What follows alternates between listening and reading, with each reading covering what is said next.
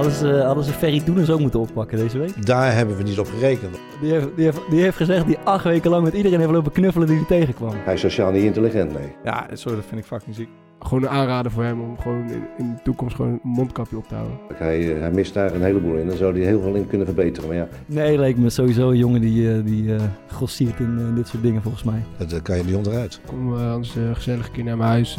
poolparty, eh, meiden, alles. Ik denk dat het niet verstandig is.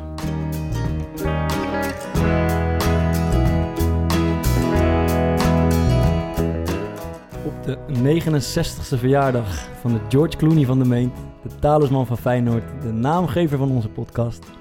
De man die we iedere aflevering een keertje proberen te noemen, wat meestal niet lukt. Cornelis Geert Aldrik Pot is 69. En wij zijn alweer toe aan de twaalfde aflevering van de Core Podcast. En lieve luisteraars, om met Peter R. de Vries te spreken, goedenavond. Als iets één keer gebeurt, is dat een incident. Als het in korte tijd twee keer plaatsvindt, is dat heel toevallig. Als het drie keer gebeurt, is er sprake van een patroon. En als een vierde geval vrijwel identiek is, dan is dat ronduit verdacht. Goedenavond. Goedenavond. Goedenavond. Goedenavond. Goedenavond. Goedenavond. Goedenavond. Goedenavond. Goedenavond. Goedenavond. Goedenavond. Goedenavond. Ja, leuk Bart. Dat is ook Leuk. zo flauw eigenlijk. Jij zegt dus vind- verdacht. Oh, hier heb je op zitten broeden. Ja, joh, ik, wilde, ik zat echt te wachten tot ik deze kon doen. Goedenavond, Peter de Vries. ja, we zijn eh, begonnen. Het is, eh, we gaan het vandaag hebben over eh, wat dingen die ons zijn opgevallen, maar vooral over iets eh, wat van belang was de afgelopen weken. Eh, racisme, het racisme-debat. En we hebben daar eh, gelukkig eh, een gast bij gevonden. Pele van Arnold. Goedenavond. goedenavond. Leuk dat je er bent. Goedenavond. Speler van nog even van, eh, van NAC Breda. En nu in eh, training, of wat ben je aan het doen? Ja, wij trainen nog eh, een kleine twee weken door en dan eh, hebben wij ook vakantie. En dan moet je bedelen voor ergens een nieuw clubje te vinden, of hoe staat het ervoor? Precies, ik ga de straat al op. Tof, maar jij hebt eh, je vorige club, als ik me niet vergis, was eh, eerst Willem II nog. En daarvoor zat je in Amerika, of eh, draai ik het verkeerd om? Ja, even omdraaien. LA Galaxy. En ik ben, ik ben eigenlijk heel benieuwd naar, jou, naar jouw ervaringen da- daarbij. En ik vroeg me eerst af, heb je eigenlijk nog met Slatan gespeeld of is dat niet gebeurd? Nee, ik vertrok eh, anderhalve maand voordat hij kwam eigenlijk. Jij was degene Dus, eh, die eh, de buitenlandse plek eh, vrijmaakte Precies, voor uh, eh, ik, ik moest oprotten. Oh ja, natuurlijk. Je mag een, aan- een beperkt aantal buitenlanders Toen ging je weg omdat je- eer. Omdat je je kruisband scheurde. Ging je Ja, ik, eh, ik schudde mijn kruisband en even later liep mijn contract af. En ja, dan moesten zij beslissen of mijn contract verlengd zou worden. Of slaat dan of een geblesseerde Peter van Arnold. Ja, dan is het wel een lastige keuze, denk ik. en eh, de- deze keer is het niet op mij gevallen. Eh, je hebt met, wel- met welke gasten heb je daar bijvoorbeeld wel gespeeld die wij zouden moeten kennen? Ik denk eh, Ashley Cole kennen jullie wel. Tuurlijk, ja. Eh, je ze wel ontmoet? Nee, nee, dat niet. Nicole Dus, Scherzinger. mocht niet.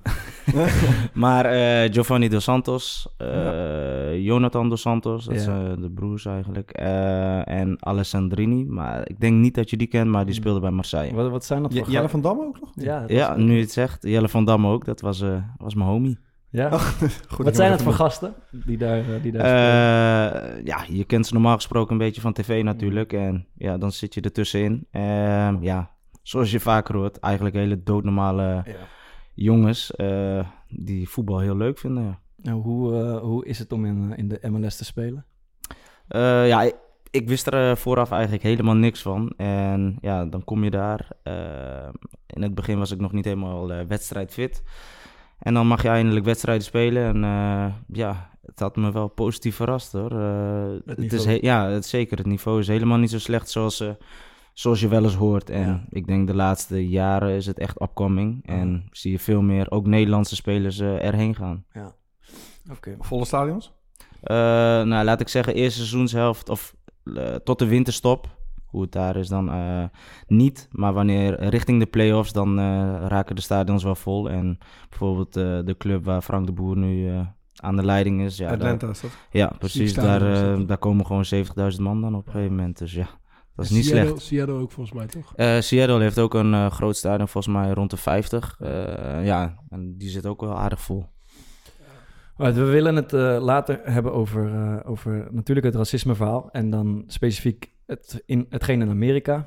eh, eh, maar ook hetgeen in Nederland en racisme in voetbal. eh, waar we misschien allemaal wel iets over te zeggen hebben. Eh, maar laten we beginnen met de verjaardag, jongens, van onze naamgever. En ik zeg, we gaan hem even bellen. Laten we het proberen. ik hoop dat hij opneemt.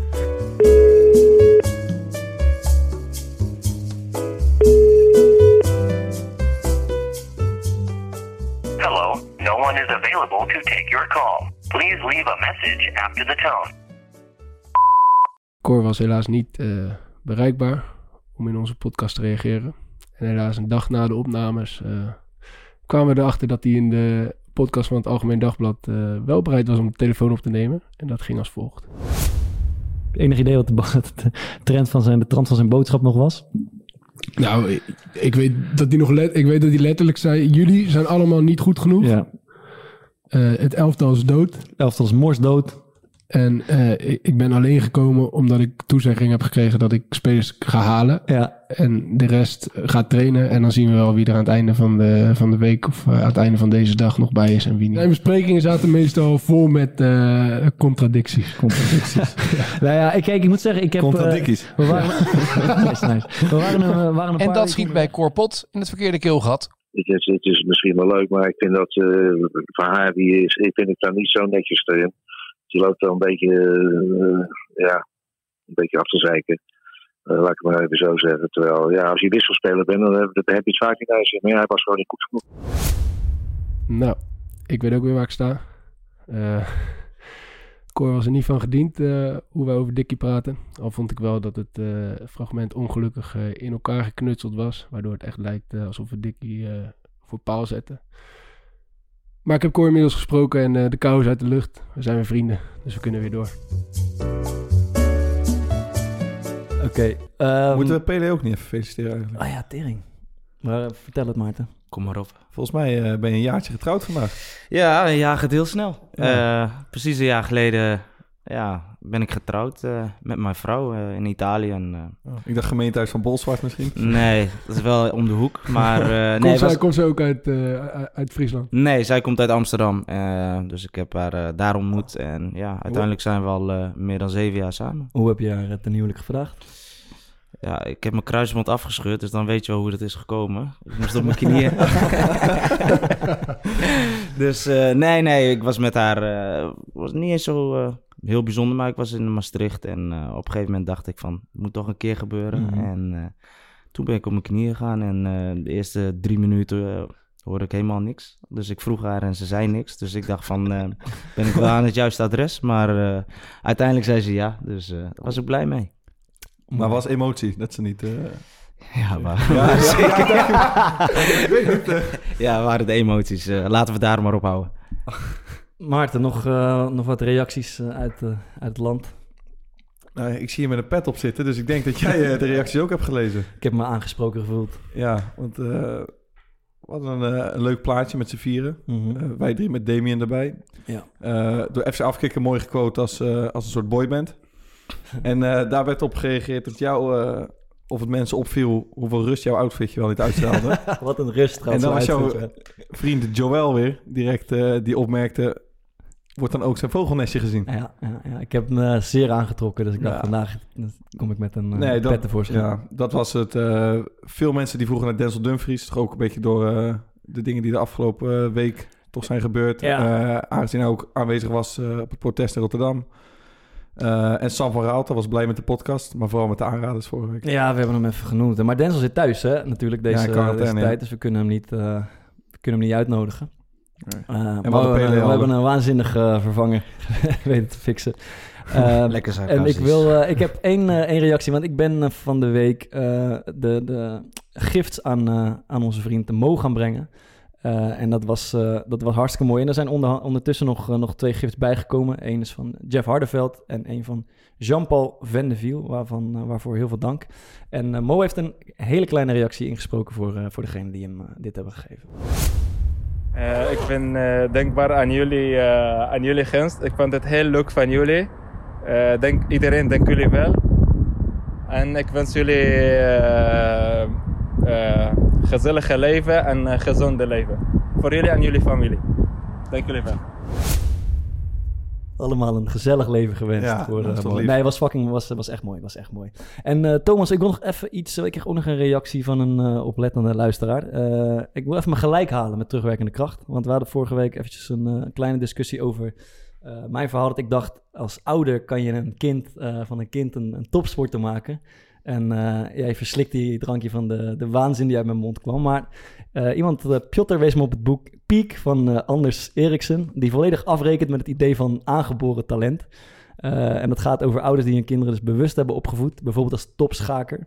En vanaf het allereerste moment schaakstukken in die wieg hebben gelegd. Dat kind enthousiast hebben gemaakt. En uh, drie van die kinderen zijn inderdaad topschaker geworden. En datzelfde verhaal uh, geldt voor andere to topspelers. Bijvoorbeeld Mozart. Is of... dat niet in één familie trouwens met dat schaken? Ja, dat zijn drie broers. Maar, maar, maar dit Nee, een schaken, schaken en, Oké. en muziekinstrumenten Ook Mozart en, en dansers die al heel veel zijn begonnen en gestimuleerd door Ja, er ouders. zit, maar er zit de factor geluk toch niet echt, eh, echt in. Het, Ja. het, eh, Maar, Eh, maar dat nee, wat, ik het meest, vo- wat ik het, eh, wa- eh, waar ik me aan stoorde bij jou was dat je de week daarvoor over Michael Jordan had gezegd. Denk je niet dat dat, want hij drilde dat team echt. Mhm. Denk je niet dat dat team, on- ondanks Ja. Michael Jordan heel erg presteerde in plaats van dankzij. ja. Dus toen vond je eigenlijk dat als je, ja, als je gewoon met, eh, met de harde hand regeert, zeg maar, dat het, dat het niet zou werken binnen zo'n team. Ja. En toen ging het vervolgens over de vader van André Agassi. En toen zei je van ja, maar hij heeft van André Agassi wel een topsporter gemaakt. ja, maar dat ging me meer over de, de, de gedwongen tijd die ze zo'n kind eh, laten steken in de sport. Dus als je een kind dus forceert om... Ja, ze hebben het altijd over die 10.000 uren regel. Dus als je een kind vanaf jongs Ja. af aan forceert om... Die vader van Agassi die heeft een soort monster gebouwd... waarop hij de hele tijd ballen liep af kanon. te vuren. Het kanon van eh, Agassi. Ja, dan is, de, dan is de kans best aanwezig dat je, dat je er een lekker balletje van gaat slaan. Maar dit boek gaat, het heet Peak, dus het gaat over, eh, over eh, het feit dat ouders best een grote rol kunnen spelen. En dat ta- talent ook Maar hebben ze, hebben ze te ook onderzocht of, eh, of er ouders waren die net zoveel tijd in hun kinderen hebben gestopt die het niet hebben gehad? Want die zijn Ja, dat, ik, ik denk dat die, ik, denk dat die voorbeelden veel, eh, het zou veel kunnen. meer aanwezig zullen zijn. Het zou kunnen. Pe- Eh, Pele, een mening hierover? Ik zeg even niks hierover. Maar ik had, eh, ik had nog wel iets moois. Ik, Mm. ik zat een beetje op het internet en ik Gaat het heb, over eh, sterren? hè? Gaat het over sterren? Het gaat eh, over pijlen. Gaat het. Ah. Eh, ik kwam een nieuwtje tegen eh, dat er een man eh, in Atlanta was opgepakt. Omdat hij in de IKEA de social distancing eh, pijlen had verlegd. Waardoor niemand meer naar buiten Dat was een never ending doolhof. Ja, precies. Daar, in de IKEA lag een route met die pijlen en die moest je volgen. En de man die had die pijlen verlegd. Ja. En eh, daardoor kwam iedereen eh, op hetzelfde punt uiteindelijk uit. En niet bij de uitgang. Elk rondje is anders, hè? En daar was, daar was hij voor opgepakt. Dus ja, als je dan toch een keer opgepakt moet worden, dan... Dan eh, maar op die manier. Ja, dan is Het klinkt wel- als een Luciano Slagveergeintje. Nee, Vind je dat- niet? nee, nee, nee. En we Mulder dan misschien? Die kant meer op, hè? hadden, ze, hadden ze Ferry Doenens ook moeten oppakken deze week? die, heeft, die, heeft, die heeft gezegd die acht weken lang met iedereen heeft lopen knuffelen die hij tegenkwam. Ja, jij zegt is geen, eh, is geen zuivere koffie. is geen hele slimme opmerking. ook. Nee, leek me sowieso een jongen die, eh, die eh grossiert in, in dit soort dingen volgens mij. Maar vond ik even leuk om te noemen. Eh, laten, we naar, eh, laten we naar serieuze zaken gaan. Eh, ja, toch? Het is, eh, het is tijd voor, eh, voor een belangrijk onderwerp afgelopen weken. Eh, en eh, ik kijk er eigenlijk al, een- al een week naar uit. En niet omdat het zo, zo'n gezellig onderwerp is, maar ja, omdat het eh, volgens mij wel een goed moment is om een keer met elkaar over te hebben. Ik heb zelf bijvoorbeeld niets over eh, gepost op social media. Ik weet niet hoe het, hoe het bij jullie zit. Ja, ik heb wel een... eh, ik heb één fotootje erover gepost. En eh, jij bijvoorbeeld, Thomas? Ja, ik heb één dingetje gepost van eh, Trevor Noah. Een, eh, een van mijn helden. Die, Oké. Die, die zei iets over, eh, over, over demonstraties. Ja. Eh, en die vergeleek allemaal verschillende demonstraties met elkaar. En die zei, ja, in principe is een demonstratie nooit eh, volgens de regels. Of eh, het, het, demonstreert juist tegen het systeem. Ja. Dus eh overtreedt het altijd wel bepaalde wetten en bepaalde regels. Daarom zijn het ook demonstraties om, Ja. om misstanden eh, eh, ja, aan de man te brengen. Zeg maar. Ja. Dus dat vond ik wel mooi. Ja, ik moet zeggen, ik heb wel trouwens iets meer gepost. Een aantal video's eh, hoe je bijvoorbeeld kon zien dat in Nederland op... ook al denken veel mensen van die toch op verschillende huidskleuren heel anders wordt gereageerd bij Ja. bijvoorbeeld het losknippen van eh, een fietslot. Ja. Ehm, maar dat was ook meer omdat ik toch om me heen ook wel wat reacties zag van mensen van, ah, is dit nou wel zo? eh, ik snap het, Amerika is heel veel erge dingen gebeurd, maar weet je, hoe zit het dan hier en is het zo erg? En ik vond dat dan wel verhelderende voorbeelden, zeg maar, Ja, ja, ja. daarvoor. Ja, ik voel me, ik vond het toch, het voelde een beetje gratuit om, om, om, eh, achter in de rij aan te sluiten en een, en een zwart eh, vakje te posten. Maar dat, ja, dat wil in mijn geval. Ik voelde wel een beetje druk om het ook te doen, zeg maar. Ehm, maar ja, ik dacht, daarom vond ik deze podcast eh, relevant en waardevol. Omdat ik ja, ik, ik heb het er graag over en ik praat er ook in mijn eigen kring veel over en zo. Ehm, maar ik vond het, een, eh, vond het persoonlijk niet echt niet nodig om er iets over social media op te zetten. Ehm, en hebben jullie bijvoorbeeld de demonstratie bijgewoond, Pele? Jij? Ehm, achteraf gezien wilde ik er wel zijn, eh, maar ik was net onderweg naar eh, Breda, Mhm. omdat ik eh, moest trainen. Maar ja, ik vond het wel eh, uiteindelijk mooi hoe het eh, gegaan is, Ja. ondanks de vele mensen. Ja, ja. Ja, ben ik het wel mee eens. Zeker, eh, ik heb dan eh, die van Rotterdam gevolgd. Ik ben er niet geweest. Maar dat is gewoon wel redelijk vlekkeloos eh, verlopen. Ik bedoel, op een gegeven moment is die afgeblazen en zijn er wat kleine opstootjes eh, uitgebroken. Maar Ja. ik vind juist dat eh ja, 90%, misschien wel 99% van, de, van degenen die daar waren, die hebben, zich, eh, die hebben zich gewoon heel duidelijk uitgesproken en ook gewoon goed gedragen. En dat is denk ik de ideale manier om je, om je punt te maken. Ja.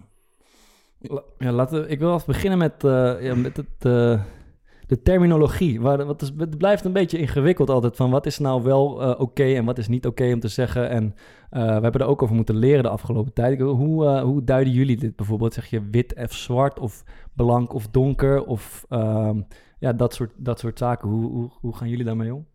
Ja, ik vind het echt lastig. Ja, man. ik, zit, eh, ik, zeg geen blank eh, over het algemeen. Liefst. En ik zeg liever donker dan zwart.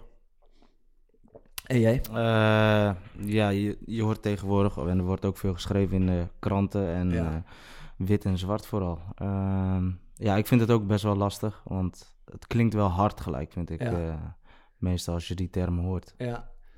Ja, ik, weet, ja ik, eh, ik geloof, ik heb, ik heb gewoon aangeleerd dat, dat wit en zwart of wit, ik vind donker altijd prettig om te zeggen. Ja. Dat, heb ik dus ook. ja. eh, Mhm. dat, dat, eh, dat het oké is, maar het is natuurlijk, het blijft een beetje Nou, ingewikkeld. ik, ik vind bijvoorbeeld het woord blank vind ik niet, niet heel negatief klinken. Nee. Maar daar zit dus wel een, een waardeoordeel in.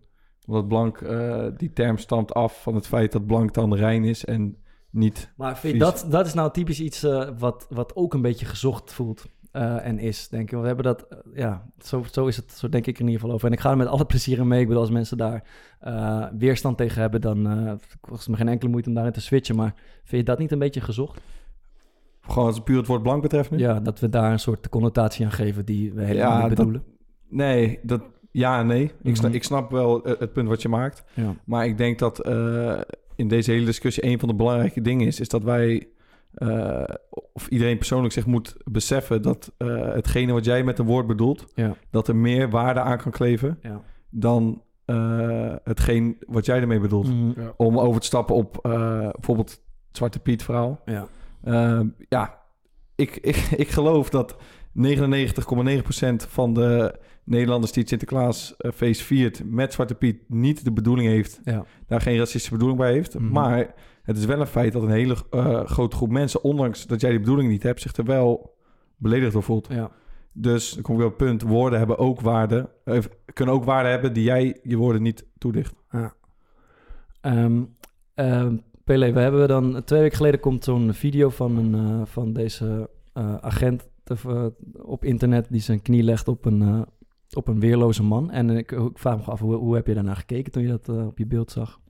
Ja, ik weet nog, ik weet nog heel goed. Ik, eh, ik werd in de ochtend wakker, Mhm. zoals gewoonlijk natuurlijk. Ehm, en ja, ik keek even op Instagram en ja, ik zag gelijk als eerst een filmpje. Inderdaad, wat je nu zegt van eh, de politieagent die ja, bijna lachend zijn knie op, eh, op de nek Ja. van, hè, van hem had. Mhm. Ehm, en ja, ik vond het echt misselijkmakend. Ja. Het, ehm, ik dacht bijna dat het nep was. Maar ja, jammer genoeg was het echt. En ja, je hoort gewoon de omstanders, je hoort ze schreeuwen van eh, dat hij niet meer kan ademen. En gewoon meer, je hoort het veel vaker, heb je het gehoord. En hij blijft doodleuk gewoon eh, met zijn knieën eigenlijk in dezelfde positie zitten. En ja, dat heeft me best wel geraakt toen. Mhm. En zie je dan ook gelijk, ehm, zie je dan ook gelijk dat, het racistische motief erin? Of is het gewoon aan zich de video die je daar ziet en wat er gebeurt? Nou, aan zich sowieso de video. Alleen eh, in je achterhoofd weet je wel dat het in Amerika wel vaker gebeurt. Ja. Ehm, dus ja, dat kwam er wel bij Ja. eigenlijk. Ja. En jullie?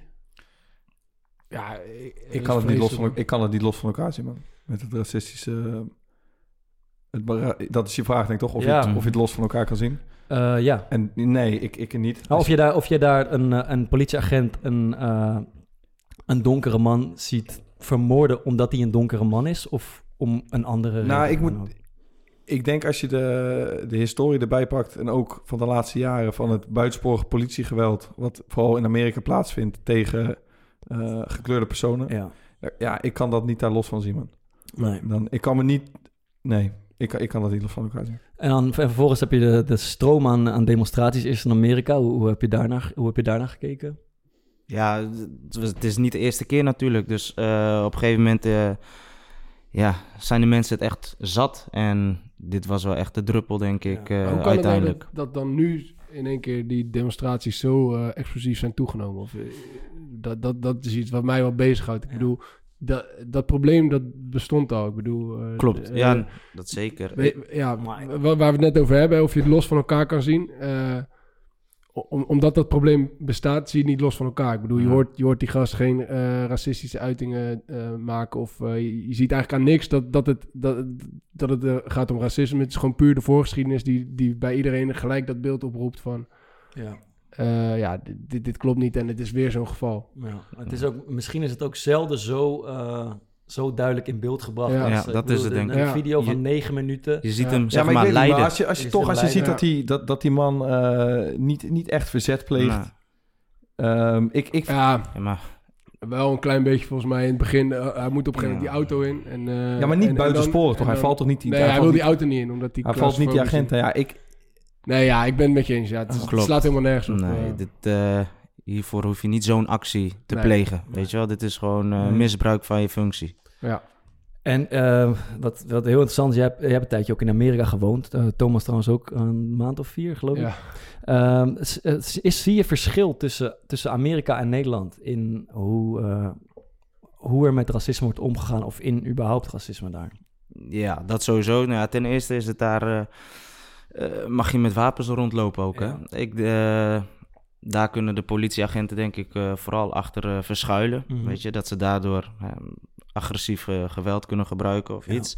Ehm, ja, ik denk dat je daar vooral inderdaad echt de scheiding ziet. Zwart tegen wit, wit tegen zwart. Als je dat ten opzichte van Nederland bekijkt, daar is het veel extremer. En ook door de geschiedenis denk ik Ja. dat het daar ja, vooral is blijven hangen. Maar je zegt zwart tegen wit, alsof ze tegenover elkaar staan. Is dat wat je ook merkt? Ja, zo voel ik het wel. Eh, daar zie je niet heel veel eh, ja, witte te- eh, samen met zwarte. Gebroederlijke... nee, niet zoals wat in Nederland af en toe ook wel aan de orde is. Ja. En ehm, jij zegt bijvoorbeeld in een van de interviews die ik die je van de week heb gegeven, denk ik. in Santa Monica keken ze me aan alsof ik een aapje in een dierentuin was. Ja, dat is niet iets om van te lachen natuurlijk. Nee, ik, ik was daar net eh, met mijn eh, verloofde destijds. En ja, we gingen eigenlijk appartementen bezichtigen. Ja. En ja, ik kreeg van de club te horen dat eh, ja, rond Santa Monica, Marina del Rey... ja, dat dat wel goede wijken waren om, Ja. om te wonen eigenlijk. Dus ja, met die gedachte gingen we daarheen en gingen we appartementen bekijken. En uiteindelijk hebben we eentje gevonden. En ja, eenmaal toen we daar ja, ons hadden gevestigd, ja, dan kom je ook natuurlijk wel regelmatig buiten. En ja, dan, dan keken ze toch wel best wel gek van, ja, een soort van, wat doe jij hier? Weet je wel? ja, dus het Ehm, feit dat er een gekleurd persoon in die, eh, in die wijk woont. Precies, want ik heb, om eerlijk te zijn, heel weinig eh, gekleurde mensen en of zwarte mensen daar gezien. En ja, dat vonden ze een soort van gek. Ja. Dat, dat gevoel kreeg ik niet alleen, maar ook mijn verloofde. En ja, Ben je wel eens, ben je wel eens echt aangesproken dan ook daarover? Of? Nee, ik, ik vind dat ze in Amerika, wat ik heb gemerkt in die tijd, dat ze best wel schijnheilig zijn. En dus ze zeggen het En je niet krijgt altijd. het gevoel, maar vervolgens in je gezicht wordt, eh, zegt niemand iets. Nee. Ja, die zijn juist in je gezicht super aardig. Ja, in, Ja. pff, in, het, in je gezicht dan lijkt het alsof je, alsof je elkaar al 15 jaar kent. Ja, we hadden, toen ik daar kwam, toen was het, ja, dat is een heel ander voorbeeld hoor, maar de, was een teamgenoot eh, die, die we net leerden kennen. Die zei, hey, leuk man dat jullie er zijn. Ik was met vier Nederlandse gasten. Kom eh, anders eh, gezellig een keer naar mijn huis.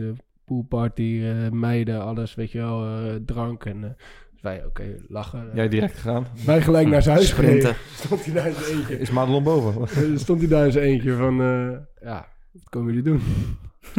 Dus ja, ze, ze beloven je van alles, maar uiteindelijk, eh, uiteindelijk heeft iedereen ook wel door zo van, ja, dat is, zo, dat is helemaal niet echt. Dus eigenlijk niemand gaat, gaat echt op die uitnodiging in. En eh, ja, het is inderdaad super schijnheilig. En dat is gewoon hoe heel die, eh, hoe, ja, hoe heel die cultuur daar een beetje in elkaar steekt. Je moet ze denk ik echt met een eh, korreltje zout eh, Ja. nemen. Kijk, wij in Nederland zijn behoorlijk direct. En ja, dat is daar eh, tegenovergestelde eigenlijk.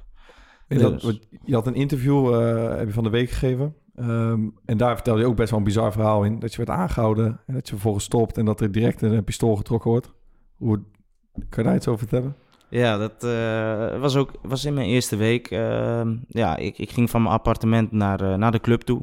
Dagelijks natuurlijk. En op een gegeven moment was de weg, eh, waren ze met de weg bezig. Dus hadden ze een omleiding eigenlijk die je moest volgen om zo bij de club te komen. En alleen ik zag toch even een, een gaatje om er tussendoor te glippen eigenlijk. Dus ik dacht van, oké, dan ga ik daar langs. Dat scheelt me weer vijf of tien minuten omrijden. En op een gegeven moment, ik kijk in mijn binnenspiegel en ik zag zwaailichten dus, eh, van de politie. Dus ik dacht, oké, nou, dat, eh, dan weet ik wat ik fout heb gedaan. Ik, ik wist het van mezelf ook.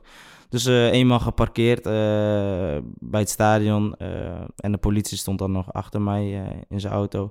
Dacht ik van, ik stap uit omdat ik daar toch langs moet gaan om naar de kleedkamers te gaan. En ja, mijn excuses eigenlijk aan te bieden. Dus ja, ik stap uit en op een gegeven moment stapt die politieagent ook uit en die trekt gelijk zijn geweer, zijn pistool. Dus ik dacht echt van, oké, wat is dit? Dus eh, ja, hij schreeuwde, go in the car, go in the car. Nou, ik, ik sprint echt letterlijk, sprint ik terug naar mijn auto eh, met mijn handen op het stuur. En toen kwam hij aange, aangelopen en eh, ja, toen vroeg hij naar mijn papieren en dat soort dingen. Dus nou, ik had niet alles in orde en ik legde uit waarom en dat ik hier voetbalde. En toen zei hij gewoon letterlijk, je hebt geluk dat ik geen eh, witte agent ben, want anders eh, had ik geschoten. En ja, dat kwam wel even binnen natuurlijk, want ik wist dat er in Amerika hè, ongelijkheid is en dat soort dingen, dat de politie niet altijd zuiver is. Alleen ja, nu ja, kwam het rechtstreeks naar mezelf en ja, dat was wel echt even van wow. Ja, als die man dus blijkbaar gewoon weet van zijn collega's dat hij eh, dus voor zoiets direct gewoon de trek overhaalt. Wat doet dat dan met je? Want dat is natuurlijk voor... eh, eh, ik, ik snap dat het heel aanvallend is, maar dat is voor, voor mij bijvoorbeeld moeilijk, best moeilijk voor te stellen. Maar ik ben gewoon benieuwd wat het, wat het dan in je teweeg brengt als je zoiets hoort. Nou ja, ik moest natuurlijk eh, nog trainen. Ja. Eh, dus ik kwam de kleedkamer binnen en sommige teamgenoten hadden het gewoon gezien. En die zeiden echt ook gewoon van, ja, je hebt best wel geluk gehad. Want Mhm. Eh, welkom in Amerika, hier, is het hier kan het wel eens gebeuren. En denk niet dat je een Euro- Europeaan bent, eh, dat niks kan gebeuren omdat je uit Europa komt. Ja, precies. Want ze zien eh, een man met een donkere huid en, en dan kan je zomaar de lul zijn als je een eh, Inderdaad. agent Ja, tegenover die politiecultuur die is daar volgens mij echt, echt, echt ziek. Door, eh, ja. echt, doorgeslagen. Ja, ja. Ja. En, eh, en, super hiërarchisch. En, eh, en meestal ook van vader op zoon wordt die volgens mij overgegeven. Dus als je vader politie is Ja, geweest. je hebt in dan- heel veel van die kleine uh, politiebureaus hebben bijvoorbeeld een eigen SWAT-team. Ja. Dus ze zijn heel erg Ja. autonoom ook. Ja. Eh, Ja, als je dat vergelijkt met Nederland, dan eh, pff, lijkt het een hele andere job. Ja, dat, dat vond ik dus wel, wel, wel eigenlijk soort van lullig. Kijk, ja, lullig is niet, ja, misschien wel. Maar over die demonstraties, zeg maar, in Nederland. Dat, dat was natuurlijk gericht op, op het politiegeweld in de Verenigde Staten. En er werd er ook best wel weer ineens een link gelegd naar de Nederlandse politie, bijvoorbeeld. Terwijl ik het idee heb dat de Nederlandse politie best wel hard zijn best doet om juist ervoor Ja. te zorgen dat, eh, dat die misstanden die, er, die daar waarschijnlijk ook zijn, maar dat die wel aan het licht. eh, want, het, want er zit gewoon iemand op die dat onderzoekt en die dat naar buiten brengt. En als dat zo is, dan wordt, dan wordt daar mogelijk iets aan gedaan. Eh, dus, dus Dat- ja, ik zag wel een verhaal in, Zwolle weer, man. Wat dan? Dat er van de week blijkbaar in de, in de buurt van Zwolle echt bijna een eh, identieke situatie geweest. Waar ook een man overleden is. ja. Maar dat wordt nu nog eh, Mm, Ja. onderzocht. De Rijksoverheid. Maar dat etnisch profileren is iets wat natuurlijk ook in Nederland gebeurt. Ja, ik, ja ik, ik ben, wij, wij rijden bij Excelsior in, in BMW's. Dat zijn best mooie auto's. Ja.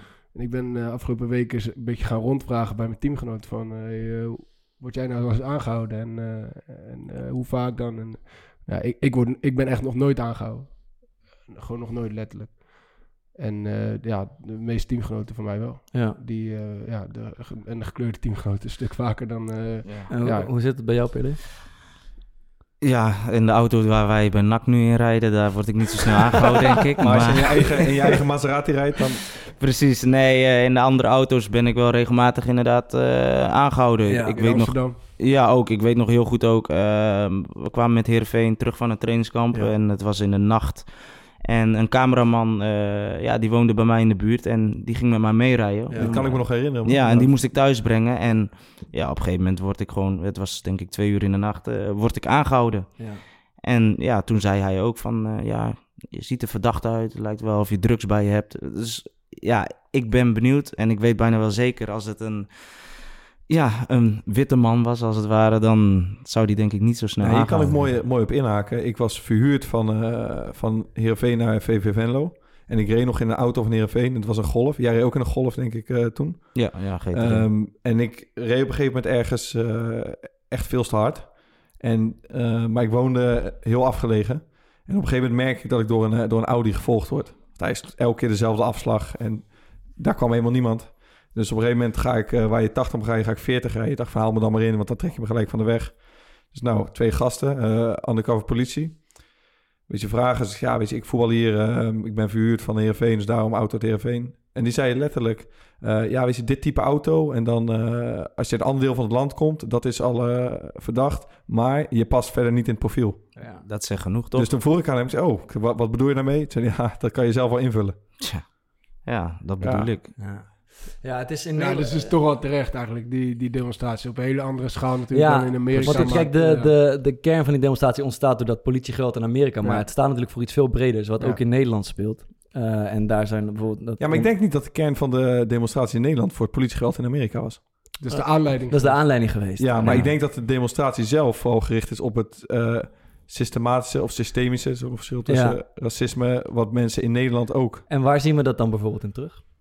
Nou, neem het voorbeeld van de Belastingdienst. Ja. Ehm, waar heel duidelijk uit onderzoek gebleken is dat als je een niet-Nederlandse naam hebt of geen witte huidskleur, Ja. goed zeg, eh, veel grotere kans dat je Ja. gecheckt wordt. Heb ik, ik heb vanmiddag wel gelezen dat eh, er was in het verleden, eh, bijvoorbeeld met één keer met Bulgaren, daarna met, met Mhm. Roemenen en met Tsjechen, allemaal volkeren met een witte huid, eh, was er in Nederland heel veel sprake van, en, en van Marokkanen ook trouwens, van, van eh, belastingfraude. Dus eh, op, op, van daaruit zijn ze, het ging niet specifiek over mensen met een donkere huid, maar meer mensen met een andere kleur. En ze hebben overigens, ook dat mag niet, mag je niet doen. En ze Nee, hebben dat overigens net zo goed etnisch profileren. En ze hebben dat wel onmiddellijk geschrapt en hun fout toegegeven. En dat is iets wat de Belastingdienst niet heel snel zou Ik, doen. heb- ik heb nog wel een, Mhm.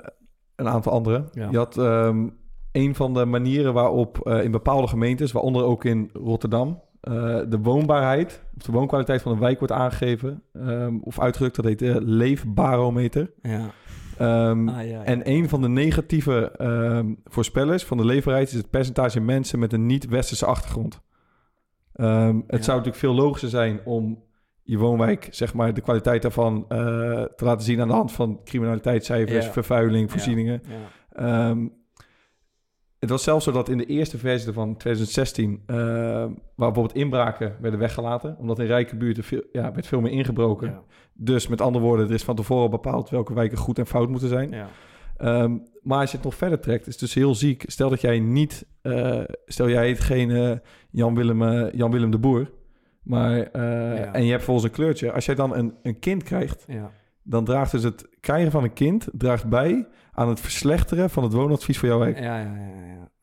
Ja, sorry, dat vind ik fucking ziek. Ja, ik heb, dit, dit is... De eh, leefbarometer, dat heeft niks te maken met eh, de partij die op dat moment eh, regeerde in Rotterdam. dat, eh, dat durf ik niet te zeggen. Want dan krijgen we wel. straks ineens een tweetje van Joost Eermans en daar durf ik nog niet mee in discussie. Dus. nee, die, maakt niet uit hoor, of je nou een goed punt hebt of die, die discussie ga je verliezen. Maar ik heb er nog, nog eentje. Ja. Eh, schooladviezen. mhm. Ehm, en daardoor willen ze, heb ik begrepen dat de CITO-toets eh, misschien weer eh, van grotere invloed gaat worden. Ja. Omdat dus blijkt dat als jij lage opgeleide ouders hebt... Ja. en in, eh, bij ouders met een niet-westerse achtergrond... Ja. die zijn overtegenwoordigd in de groep lager opgeleide. Ja. Kan je me nog volgen? Ja. Ehm, dan zijn ehm, docenten hebben blijkbaar de neiging om zich minder aan jouw toetscores te houden. Oké. Dus om bijvoorbeeld, jij, er komt een HAVO-ding uit, maar ah, niet zit niet in familie, VMBO-T. Mhm. Dat is onderzocht. Stageplekken voor MBO'ers. Ja. Schijnt een aanzienlijk verschil te zijn eh, wanneer je een kleur hebt of een, bijvoorbeeld Zeker. een Marokkaanse Ja, naam. sollicitaties. Uitzetbureaus, Ja. ehm, etnisch profileren bij uitgaan. Ja. Groot in. En bijvoorbeeld de verhuur in Amsterdam. Eh, is het onderzoek gebleken dat een derde van de verhuurders geen probleem heeft om te discri- discrimineren op uiterlijk.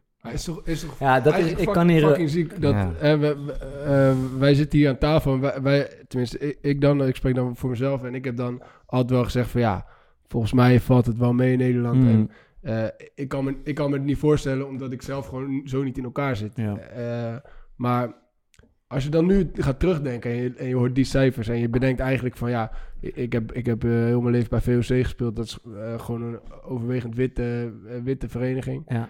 En daar heb je ook gewoon regelmatig mensen dingen horen zeggen waarvan je dacht van, hé, ja, dit kan eigenlijk niet. En, en, en, en toch vergeet je dat op een of andere manier. Ja, ja. En, Ja, ja, ik- maar hoe, hoe kan het dan toch dat je het soort van niet ziet? Dat is toch, Ja, dat- ja. Dat is toch wel raar. Dat is toch eigenlijk een Ja, raar. omdat Misschien je- omdat je er je- ook ik blind denk- voor bent. Ik denk je dat ik het kijk niet naar, naar Pele. Ja. Ehm, kijk, wij worden er niet zelf echt mee geconfronteerd. Wat je zegt, iemand maakt zo'n geintje of, ze, of niet eens een geintje, zegt iets... en dan denk je van, Ja. hé, dat kan niet man, maar er gebeurt rechts iets van je... en je bent het kwijt. Terwijl Ja. waarschijnlijk als je zelf in die positie bent... waardoor je echt benaderd wordt of beledigd... dan ja, blijft het waarschijnlijk veel meer hangen. Ja. Ja, dat, dat denk ik sowieso. Ehm, kijk, ik ben in het noorden opgegroeid. En ja, procentueel gezien heb je daar natuurlijk minder eh, ja, van buitenlandse Jij afkomst mensen. in Bolsward in, eh, In Bolsward heb je wel een heel groot ensemble van eh, Turkse mensen. Heb Precies, van Turkse afkomst. eh, daar ben ik in opgegroeid inderdaad. Maar nee, kijk, daar werd ik wel inderdaad gediscrimineerd. Bijvoorbeeld vroeger op school, dan zeggen ze...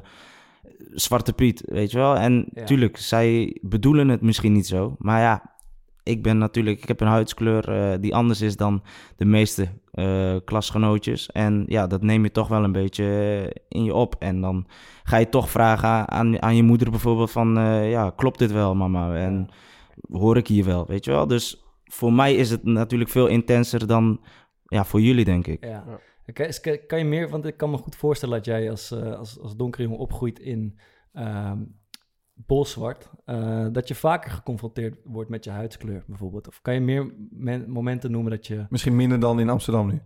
Ja, precies. Nee, als er eh, feestjes buiten de stad waren eh, en al je vrienden gaan daarheen. En dan kom je daar en dan, ja, het eerste wat je eigenlijk hoort is van, wat doe jij hier?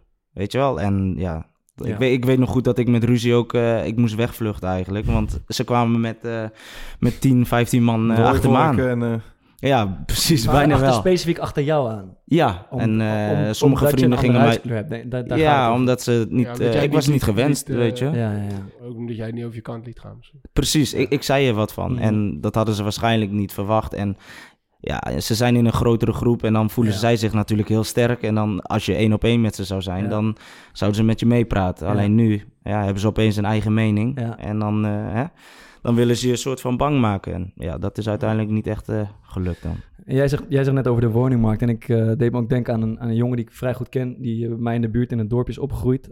Geadopteerde jongen, geboren in Oeganda.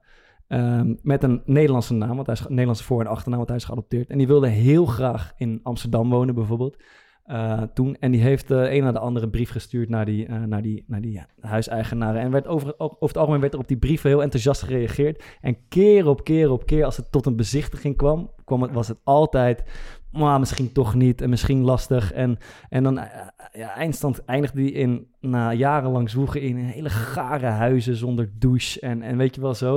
En heeft echt moeten strijden gewoon voor, voor die plek in Amsterdam. En dan kan je zeggen, ja, misschien viel hij niet in de smaak, maar je, kan bijna niet ontkennen dat waarschijnlijk zijn uiterlijk en zijn huidskleur daar, daar mee te maken heeft gehad.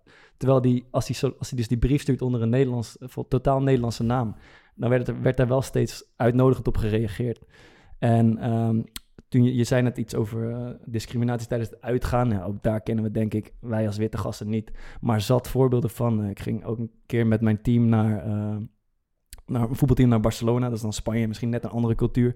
En een van de donkere jongens uit mijn team, die, die er normaal gesproken uitziet met dreadlocks en vlechtjes en lang haar en wijde kleren. We gingen uit in een club en eh, hij, hij voelde al aan met een paar andere donkere gasten van... Ik moet, ik moet me misschien netjes kleden, want anders kom ik niet binnen. Hij had zijn netse blouse aan, witte blouse. Zijn haar, heeft, ik heb hem nog nooit zo gezien, zijn haar in een staart vastgemaakt, weet je wel. Gewoon zo. En dan in die rij en dan voel je al van eh, die, die drie, vier witte gasten die binnenkwamen, die kwamen binnen. En die portier zegt iets over zijn schoenen of over zijn... Over zijn nou, ik kan me weet niet ook of wel ze ringen of zo. En pats, hup, dan mogen Je, dan je mogen gaat met, met je team uit en dat hebben ik, ik denk dat het in Barça was. Ja, Ja. weet, ik maakte niet uit waar het was. Mhm. En dat je dan inderdaad met gekleurde gasten zo zat van... Hey, Weet je, splits een beetje op en dan kom je, want dan komen we sowieso binnen. Ja. Dat is eigenlijk echt En ridicuul. wel, voor ons is het geen, geen enkel probleem om daar binnen te komen. Je twijfelt er niet eens aan. Of ja, tenzij je echt straalbezopen bent. Maar verder is er geen enkele reden om jou niet binnen te laten. En zij zien dus wel voor die, van die donkere gasten, Surinaamse jongen in dit geval, een reden om. een- ze vinden een reden om hem maar niet binnen te laten. Dat vind ik echt. Dat is, dat, Maar en ik- dan kunnen we zeggen van in- dit speelt in Amerika, maar dan zie je echt van dit soort dingen spelen. Maar ik denk dat je daar, als je daar eh, een beetje over uitzoomt, dat Ja. is een van de lessen die eh, bijvoorbeeld jongens zoals wij drie, denk ik, eruit kunnen trekken. Is dat ook als je zelf ehm, geen racistisch idee hebt en Mhm. niet mensen benadeelt, je op de een of andere manier, of je het nou door hebt of niet, profiteer je. eh, kan het zomaar zijn dat je af en toe wel ervan profiteert dat je geen kleur hebt. Bijvoorbeeld op de woningmarkt. Ja. Bijvoorbeeld met een stageplek zoeken. Omdat het ten koste gaat van mensen. Ja, en dat heb je dan eh, niet door. Ja, Maar ja, eh, omdat dat dan dus zo in een systeem zit verworven, Ehm, is dat ja, toch een soort van... eh, ja, dat is het whi- white privilege, wat Ja, vaak genoemd wordt. ja. Maar ik heb daar best wel veel ook eh, jongens in mijn omgeving over gehoord. Van ja, dat... Ik weet het niet, man. Ik, eh, ik snap wel dat het gebeurt en zo. Maar ja, ik, ik heb daar dan toch niks mee te maken. Ja, Maar of je nou wil of niet, je hebt er wel mee te maken. ja, ja. Want je profiteert er. ehm, of eh, er is een mogelijkheid dat je ervan profiteert. Of je nou door hebt of niet. Ja. En dat betekent niet dat jij eigenlijk iets fout doet. Maar dat betekent dus wel dat er iets mis is. Gewoon in het systeem. ja. Ja, ik, wa- ik, ik was een keer met, eh, na- vlak nadat we kampioen waren geworden, met eh, Kenny Dougal en Denzel Dumfries eh, gaan Ja. stappen. Hier in, Toch weer even Denzel Dumfries Ja, genoemd, hier, dat is ook wel heel mooi. Is hij er ja, toch een beetje bij? Ja. Een heel ander voorbeeld, maar wel dat hij een klein bijrolletje heeft. En eh, hier in Annabel, dat is gewoon eh, een hele normale tent waar, waar zulke soort dingen aan, de, bij de voordeur niet gebeuren. Dus iedereen komt gewoon binnen, daar hoef je eigenlijk geen zorgen over te maken. Maar Denzel, die is die avond echt, denk ik, zes, zeven keer aangesproken door iemand. Of die, of die ecstasy bij zich had. Of dat, Ja, ja, ja. dat hij een drugsdealer Ja. was. Dus ja, dat Hij heeft ook en- een, hij heeft en- ook een bezeten kop als hij op de dansvloer dat heeft letterlijk, dat heeft nog nooit, maar toen had hij ook, kijk, ja, Hij ja, heeft allemaal doorgeweest naar Damien. Iedereen, iedereen heeft die foto's gezien van hem bij die demonstratie. Daar zag hij er goed uit. Ja. Eh, Ah, waanzinnig foto. ja, Ja. maar toen had hij nog altijd een eh, Adidas trainingspakje aan. Dus hij heeft wel een paar stapjes gemaakt hè, de afgelopen, eh, afgelopen jaren. Ja, Ja, ja. Dat is een krachtige foto. Ja, hij zag een hele hij- goede foto, Ja, ja. zag, zag goed uit. kunnen wel Ik even delen ook trouwens. Ja, iconische foto. Ook sowieso wel, eh denk gewoon een aanrader voor hem om gewoon in, in de toekomst gewoon een mondkapje op te houden. Ook als. Ja. Hey, nog even, ik, eh, ik viel op een, eh, op een filmpje van eh Roel Maaldering. Misschien hebben jullie wel eens gezien, zo'n Foxpop filmpje. En daar zijn, een, daar Ja. zijn een aantal mensen, zeiden daar, het is, het is altijd heel grappig, die filmpjes. Maar er zijn een aantal mensen zeiden best wel wat, wat dingen die, waar ik me niet zo bewust van was. Er was bijvoorbeeld was één, een Surinaamse man die zei... ehm, Waar, waar ging het filmpje ook weer precies over? ja, ze, ze vroeg gewoon aan, aan witte mensen op straat en aan donkere mensen van... Heb jij, word jij wel eens eh, geconfronteerd Oh, met je ja, huidskleur Ja, of zo? ja. En een eh, Surinaamse jongen die zegt bijvoorbeeld ehm, eh, dat hij... Ze zeggen, een aantal zeggen dat ze vaak als dommer worden ingeschat dan ze daadwerkelijk zijn. Dus dat mensen soort van verbaasd zijn van... oh, doe jij je VWO of zo? Je, je spreekt goed Nederlands of zoiets. En ook bijvoorbeeld dat hij het gevoel heeft als hij bij witte mensen op een feestje komt... of op een verjaardag komt of iets... dat hij altijd het gevoel heeft dat hij zich een beetje leuker en frisser moet voordoen om de ander even op zijn gemak te stellen. Zodat de ander Mm. niet denkt van, oh, het is een, het is, eh, zodat de ander snel denkt van, oh, hij is toch niet fout of hij is toch niet vervelend of zo. Is dat iets wat jij herkent? Zulk Nou, niet direct. Ja, misschien onbewust dat je Ja. dan wel anders gaat gedragen, Mm. inderdaad. Ehm, ja, je staat denk ik eh, als eh, zwarte persoon wel op min 1. Ja, Dat is denk ik wel echt, Ja. Echt de waarheid als je inderdaad bij een eh, grote groep eh, van een andere huidskleur eh, Mhm. binnenloopt, wat je net zegt. Dus in die zin snap Ja. ik ze zeker. Die gast die zei ook van, ja, je moet echt overdreven vriendelijk Ja, ja, en overdreven eh, aardig doen tegen iedereen voordat iedereen je oké vindt. En als je dat niet doet, dan, eh, ja. de- de- dan heb je gewoon een probleem met mensen. Dat is een beetje het idee toch, als je dan wit bent, dan ben je vriendelijk totdat je jezelf anders bewijst. Ja, en, andersom, En als je eh, gekleurd ja. bent, dan ben je niet vriendelijk totdat je anders bewijst. Ik, eh, ik hoop dat we zo misschien nog tot ja, iets komen waar, waar, hoe we dit een klein beetje kunnen oplossen. Of hoe we dit in ieder geval kunnen verbeteren. Maar eerst racisme in voetbal, wat ik, eh, wat ik, waar ik nog benieuwd naar ben. En vooropgesteld vind ik een voetbalteam eh, eh, een schoolvoorbeeld van, van hoe kleur geen enkele rol speelt in hiërarchie of iets. Er, zijn, er, wordt gediscrimineerd in een voetbalteam, zat ik te denken. Maar het gaat over kwaliteit. Hè? Dus de beste speler wordt over het algemeen voorgetrokken. Eh, en over leeftijd soms ook. Het is vaak zo, dat wordt zelfs bewust gedaan. Eh, die oudere gasten hoeven niet op te ruimen. Die jonge gasten moeten de balletjes opruimen. Weet je, dat soort shit. Ja. Maar kleur speelt geen enkele rol. Eh, Maar is niet in altijd het zo positieve geweest, en niet in het negatieve. Nee. En dat is mijn inschatting in ieder geval. En ik weet niet hoe jullie daarover denken. Nou, ik denk dat, dat je nu, eh, we hebben dat vaker gezegd, dat in een, in een voetbalteam kom je er niet onderuit dat gewoon de jongens of de ene persoon die het allerbest is, die, ja, die bepaalt gewoon eigenlijk een beetje wat Ja. er gebeurt. En dat is de belangrijkste persoon in je team. Wat zijn En huidskleur of uiterlijk ook is. Wat is er nou transparanter eh, op dat gebied dan sport? Want dat heb je met een, ik Ja. noem maar iets, een belastingdienst, Nee. een, eh, een stageplek. Ja, dat is geen transparant proces voor de buitenwereld. Maar als, als Spelen eh, een gruwelijke speler is, Ja. Als. hy- hypothetisch gezien. Ja, dat is- uitzonderlijk- uitzonderlijke geval. Dan Bedankt, Maarten. Dan gaan Bedankt. mensen dan gaan mensen natuurlijk vragen stellen jij, als jij ze niet bent speelt. Maarten gespeeld toch, Pele? Ja. Ja, oké, dan hoeven we er ook niks meer over te zeggen. Nee. We hebben een goede- verstandhouding, dat Ja. weet je, ja? Hadden, goed gezegd. Maar, maar, maar zie jij dat ook zo? Want eh, jij zegt dat nou zo, zo voelt het, voelt het Ja. voor mij, maar eh, correct me if I'm wrong. Ik heb daar nooit... Ja, ik denk inderdaad tijdens eh, het voetbal of een sport... dat daar het minste... Ja, dat je daar het minste last van Of hebt. heb jij in het voetbal ook wel eens ongelijk behandeld gevoeld door je huidskleur? Scheidsrechtertje misschien? Nee, ik denk... Ik direct niet. Nee. Dan, wat er wel natuurlijk speelt in voetbal, waar we ons ogen niet voor eh, sluiten, is gewoon expliciet racisme van, van supporters naar, eh, naar, sp- naar spelers toe. Ja, gaat richting eh Ahmed Mendes. Ja, dat, natuurlijk. Maar we hebben volgens mij zelfs ook even gedacht om hem eh, om hier uit te nodigen. Waar, wat we, om dit te bespreken. Maar dat is niet gebeurd. Maar jullie waren in ieder geval twee spelers eh, die daarbij waren. Ja. Eh, misschien even uitleggen wat er is gebeurd en, en hoe, dat, hoe dat is gegaan. Ja, we speelden... ehm, dat was dit seizoen, hè? Ja. Voor, voor de winst speelden we uit bij Den Bosch. En Ahmed... In december. Ja, december. Ja, het was, het was Rondom eind de, november. Ja, rondom de, of de opbouw richting de Sinterklaasperiode. Ja. En Ahmed eh, speelde linksbuiten. Ja. En dat is precies voor een vak waar een soort harde kern van FC Den Bosch supporters eh, Ja. zat. Ja. En die hadden spandoeken bij zich eh, wat pro, eh, pro-zwarte Piet, Zwarte Piet was. Ja. Dus die, hadden al, die waren al naar het stadion gekomen om een... Ze waren ook met de een demonstratie geweest. Of iets hadden gelopen. Ja, er was, er was zo'n eh, eh, Pro-Zwarte Piet. pro-Zwarte Piet demonstratie geweest in Den Bosch. Ja, en zij wilde dus al een statement daar eh, gaan maken. En ehm, ja, ik weet nog de e- het eerste kwartier. eh Ahmed maakte een paar acties en je hoort een beetje gerommel daarachter. Mm, En eh, Joel Zwart zat op de... zat je op de bank? Of, ja, ja, jij ik speelde. Ik zat op de bank en Joel Zwart onder andere ook. En eh, Joel die zegt denk ik na 10 minuten of een kwartiertje al van... Hey, dat, ze zijn hem racistisch aan het bejegenen, dat gaat niet goed. En ik weet nog dat ik dacht van... Ja, de, de, klopt iets niet, maar ik had nog niet het idee dat ze hem aan het uitschelden waren. Of, eh, maar Joel was er gelijk heel stellig in van let op, dit, dit gaat niet goed. Ja. En ehm, ik weet nog precies, ik denk dat het minuut 17 was, zie je ineens Ahmed zich omdraaien. En dat is een echt super lieve jongen en je ziet hem heel emotioneel reageren naar het publiek. Ja, toen wist je gelijk dat het fout was. Ja. Ik kreeg daarna nog een bal. ehm, er gebeurt weer iets. Ja, toen bleek dus dat hij voor van alles, alles wat je... Ja, je kan ze zo invullen, eh, Mm, was ja. uitgemaakt. Ja, ja. Wedstrijd gestaakt. Ehm, ja, en daar is toen best wel een behoorlijke rel eh, Ja, ik, ik, ik stond op het veld. En eh, de, die, die harde kern die doet het volgens mij altijd wel een beetje... eh, ja, Josie Eltidoor heeft het eigenlijk over uitgesproken. Dat Ja, maar eh, eh, dan, dan ging het over bepaalde geluiden. Daar, daar, daar ontstond toen ook die Ja, commotie over. Die maakte ook dat dat waarschijnlijk niks met racisme te maken. Maar ik, ik liep op een gegeven moment... ik hou wel een beetje van over het veld zwerven. Ik sta in principe aan de andere kant. En ik liep op een gegeven moment bij hem in de buurt. En ik liep toevallig naast de scheidsrechter. En ik hoorde, ik hoorde en dat was denk ik al na een kwartier spelen of zo. Dus daarvoor had ik niks gehoord. Hoorde ik volgens mij iemand roepen eh, Zwarte Piet toen Achie aan de bal was. Ik zeg gelijk tegen die scheids even, roepen Zwarte Piet. En die scheids zegt tegen mij van ja, ik hoorde het niet, maar ik ga erop letten vanaf nu. Toen vlak daarna lag het spel stil. En toen zag je inderdaad Achie gelijk... eh, wel ja, dat, dat, eh, toen zei hij van ja, vanaf minuut één eh, gebeurt het al. En, en vanaf, ja, je kan gewoon niet zomaar... eh, het, het had gewoon met, met, met de Zwarte Piet discussie te maken. Ja. Want daar, daar, daar spelen daar iedere week, of iedere twee weken spelen daar jongens eh, die, die er zo uitzien als Achie. En die worden, waarschijnlijk is het, eh, in de weken daarvoor gebeurde dat allemaal niet op die schaal, zeg maar.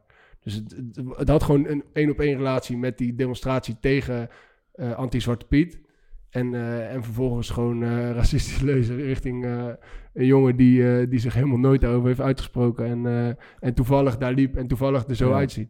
Pe- Dat is echt, eh, Maar in het team bij Den Bosch zitten daar ook geen... Ja. ja, ja. Daar is toen een heel krantartikel Ja. opgekomen daarna. Dat jongens Daar- daar echt Ja, daar, hadden van, wat doe ik hier? daar kan ik echt niet bij mijn Kevin. Verlida, volgens mij. Stond, eh, die, die, ja, die, ja, is echt, echt bizar. Hoe kom je erbij als supporter zijnde om dat dan nog steeds te flikken? Ja, Het is sowieso niet normaal dat je dat doet en dan ook nog eens ja, bij de tegenstander. En ja, het, ja, ik noem het, ik heb het ook al in een interview gezegd, het zijn echt dan leeghoofden. Ja. Heb, jij, heb jij ook zoiets expliciets meegemaakt eh, als voetballer?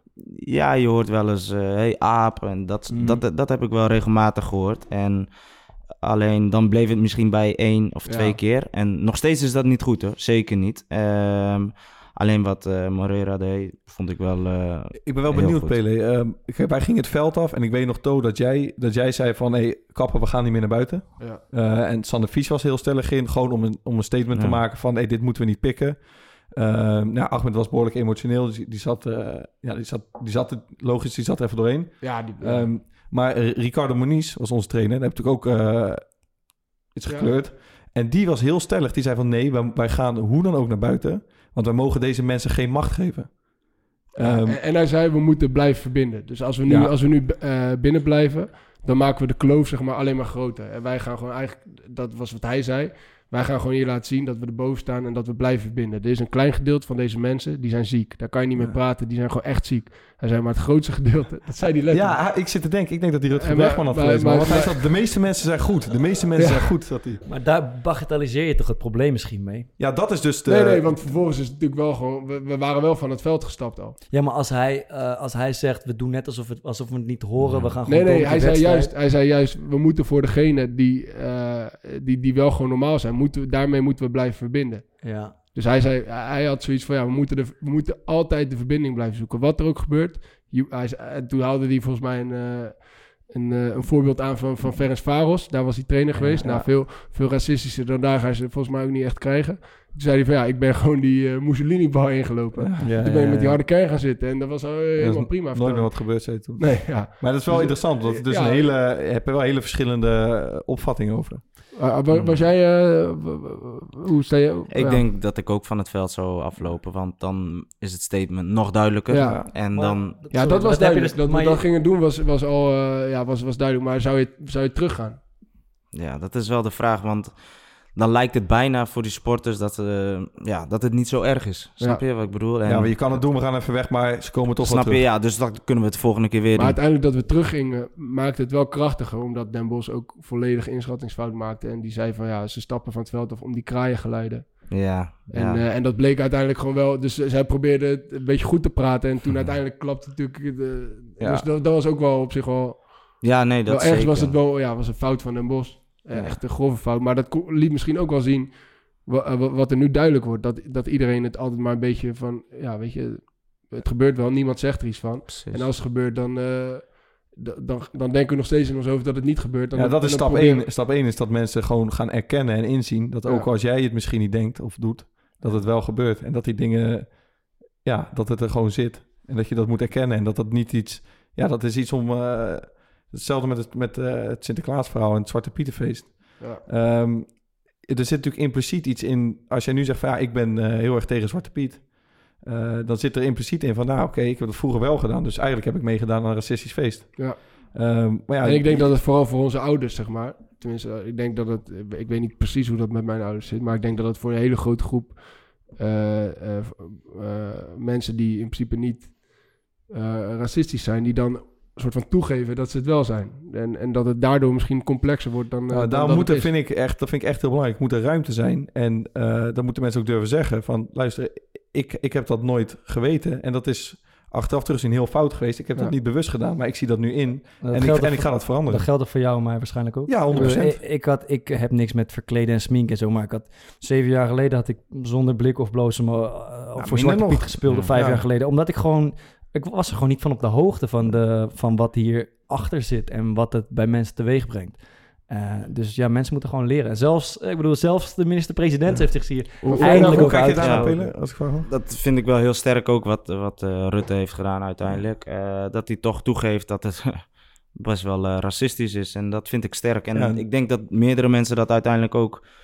Het is, het is niet erg als je gewoon eh, toegeeft van... Ja, het, eh, jullie hebben toch wel gelijk. Er zit wel echt iets achter. En ja, ze, kunnen, ze verschuilen zich dan meestal achter van... Ja, het is toch een kinderfeest. Het moet toch voor de kinderen leuk blijven. En dat soort dingen. Maar voor een kind maakt het ook die niet je, uit of die het kan je eh, natuurlijk zo geel makkelijk of... tackelen... dat Ja. een kind geen is- eh, interesseert ja, of hij nou stroopwafel Ja. voor zich ziet. Dus- dat, dat traditieargument, Dat dat is is, echt zo een- slecht. Echt, echt slaat helemaal nergens op. Nee. Dat slaat echt nergens op. Daarom- Nog even twee dingen binnen voetbal. eh, want eh, zeggen dat er weinig racisme is. Maar één ding wat mij altijd opvalt. eh, ik weet niet hoe het bij jullie zit, maar. ehm, en of het goed is, of, of dat weet ik niet. Maar er zitten bij de lunchtafel bijvoorbeeld. ehm, zie je een schifting in, in afkomst eh, of in huidskleur. Ik weet niet hoe het bij jullie is, maar ik heb zelf een team meegemaakt waarbij het eh, totaal zwart en wit gemengd is aan één tafel. Dus als er drie, vier tafels zijn, dan zijn het best wel vaak de witte jongens bij elkaar, best wel vaak de islamitische jongens bij elkaar en best wel vaak de donkere jongens bij elkaar. En, en een groepje met eh, buitenlandse jongens, Engelsen, weet ik veel, Spanjaarden. Ehm, hebben jullie die ervaring ook? Of heb ik dit verzonnen? Ja, ja ik heb dat wel eh, wel vaker meegemaakt. Hey, hey. Jawel, dat komt wel regelmatig voor, denk En ik. wat- eh. En jonge Maar- spelers is ook altijd Ja, wel een groepje. dus het is ook niet zo, het is ook niet zo zwart-wit zoals ik het bedoel, maar meestal is er wel een soort schifting. Ja, er wordt Eh, ook best wel vaak wat over gezegd in een negatieve manier, toch? Nou, in, in, in 96 had je de, de kabel. Dat kwam Ja. volgens mij voort uit een foto of een videobeeld van, van de eet van de ja, eettafels. maar daar van zat, die wel, dingen. daar zat wel daadwerkelijk ook wat meer achter dan alleen eh, Ja. de tafels. Daar zat ook gewoon volgens mij eh, bepaalde financiële wanorde Dat bij. dat kunnen, maar- bepaalde jongens, eh, stel dat gekleurde jongens minder verdienden dan... eh, Mhm. en, en dat is uiteindelijk volgens mij ook gewoon aangetoond. Maar die schifting die, die speelt nog steeds. En ik vraag me eigenlijk af, waarom zou dat zijn? En, en is dat iets kwalijks? Wat denk je? Ik denk vooral de interesses misschien ook. eh, waar je een beetje vandaan komt, de Randstad eh, en dat soort dingen. En ja, sommige trainers, en dat vind ik op zich wel goed, die, ja, het is misschien wel best wel kinderlijk, maar ja, dat je om de twee weken een soort van moet wisselen van tafel en Ja. wat door elkaar eigenlijk moet. De, de- vind je dat dat helpt of werkt? Nou ja, zo leer je een ander ook wel eh, beter kennen. En ja, kan je misschien ook wat meer raakvlakken hebben. En anders ja, praat je eigenlijk nooit aan misschien mee. Nou, dat, is, Dus- dat is toch best wel raar dat je gewoon... ehm, ja, misschien, het gaat waarschijnlijk ook inderdaad meer over Ja, het interesse. is toch meer en- cultuur eh, ja, gebonden. en dan dat het over, eh, over uiterlijk gaat. Ik, had- ik had bij Ajax Cape Town eh, hetzelfde. Ik was daar de enige, de enige eh, witte, witte gast. En daar had je ook binnen de, binnen de Afrikaanse cultuur... heb je ook allemaal verschillende culturen. Mhm. En die zaten ook allemaal gescheiden van elkaar. En Ja. op het moment dat het misging, konden die elkaar niet luchten of zien. Ja, Dus ja, dat, dat heeft waarschijnlijk niet eens zoveel met, eh, met, met, met huidskleur te maken. ja. Ik, ik heb wel een keer best wel een bizar voorbeeld ervan gehad. Dat we eh, met Jong Oranje waren met een groep van 24. En het was letterlijk zo verdeeld: 12 witte jongens, 12 niet-witte jongens. En je had drie tafels van acht. En eh, ja, wij waren eh, al, of wij, ik was er al vroeg. En ik zat aan de tafel met eh, nou, eh, acht witte gasten in totaal. Ehm, en die andere tafel zitten ook al vier niet gekleurde jongens aan. En daarna komt er een groep binnen, maar van twaalf eh, gekleurde jongens. Mhm. Eh, nou, dan gaan er acht snel zitten. En je ziet die andere vier kijken van... eh, Kut. ja, en nou? En die pakken dus alle vier een stoel van die tafel van acht... waar een paar witte gasten zaten. En die schuiven dat gewoon tussen, zeg maar, aan die andere ronde tafel. Waardoor dus in plaats van 8, 8, 8 had je, had je 8, 4, 12. ja. En toen hebben we, we hebben uiteindelijk, toen we een, eh, kregen we een... eh, ik heb het toen daar op zich wel over verbaasd dat daar niet iets over gezegd werd. Van ja, zou gasten- zeggen, heeft ook de trainer of de Ja. coach Nee, destijds gewoon niks even van, hey boys, is allemaal leuk, eh, doe allemaal wat je wil, maar we zitten hier gewoon met 3 keer 8. Ja. Ehm, maar we hadden, ehm, later kregen we een bondscoach, eh, Art Langeler. Eh, en die, was, eh, die merkte dat gelijk op. Dus die ging toen met naamkaartjes werken. Gewoon eh, Ja. Ja. naast elkaar. was heel leuk. Zat ik naast eh, Timothy Fosu Mensa. En dat kwam er net, ik, voordat die lunch hadden, kwam er zo'n bericht online dat hij voor vijf jaar ging verlengen. Voor, eh, weet ik veel, 3 miljoen of zo in zoveel jaar. en ik zat nog in een derde keeperscontract bij Heerenveen. Dus ik naast hem, ik zei, ik zeg, kan ik je feliciteren? Ja, nou, kan wel. Ja, gefeliciteerd. Het was ijs gebroken, was het hartstikke goed en gezellig. Ja. Ja, wij, wij hadden bij Sparta, speelden we daar, was wel een beetje speelse manier hoe we daarmee omgingen. Dan, als ik dan bijvoorbeeld een keer aan, dat, eh, aan een ander tafeltje eh, eventjes in een gesprek raakte, weet je wel. Dan kwam, dan kwam Cheryl Floranus, die liep langs.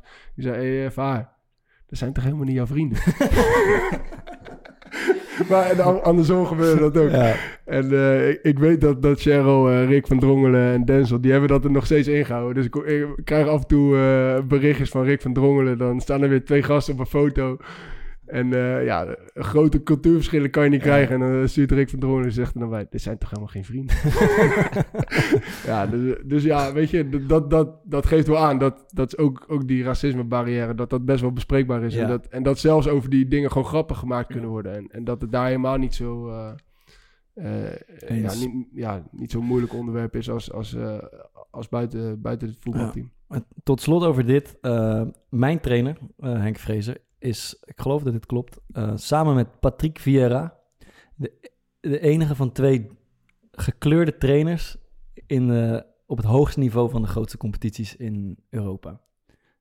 Dat is best wel, eh, Ja. dat is best wel vreemd.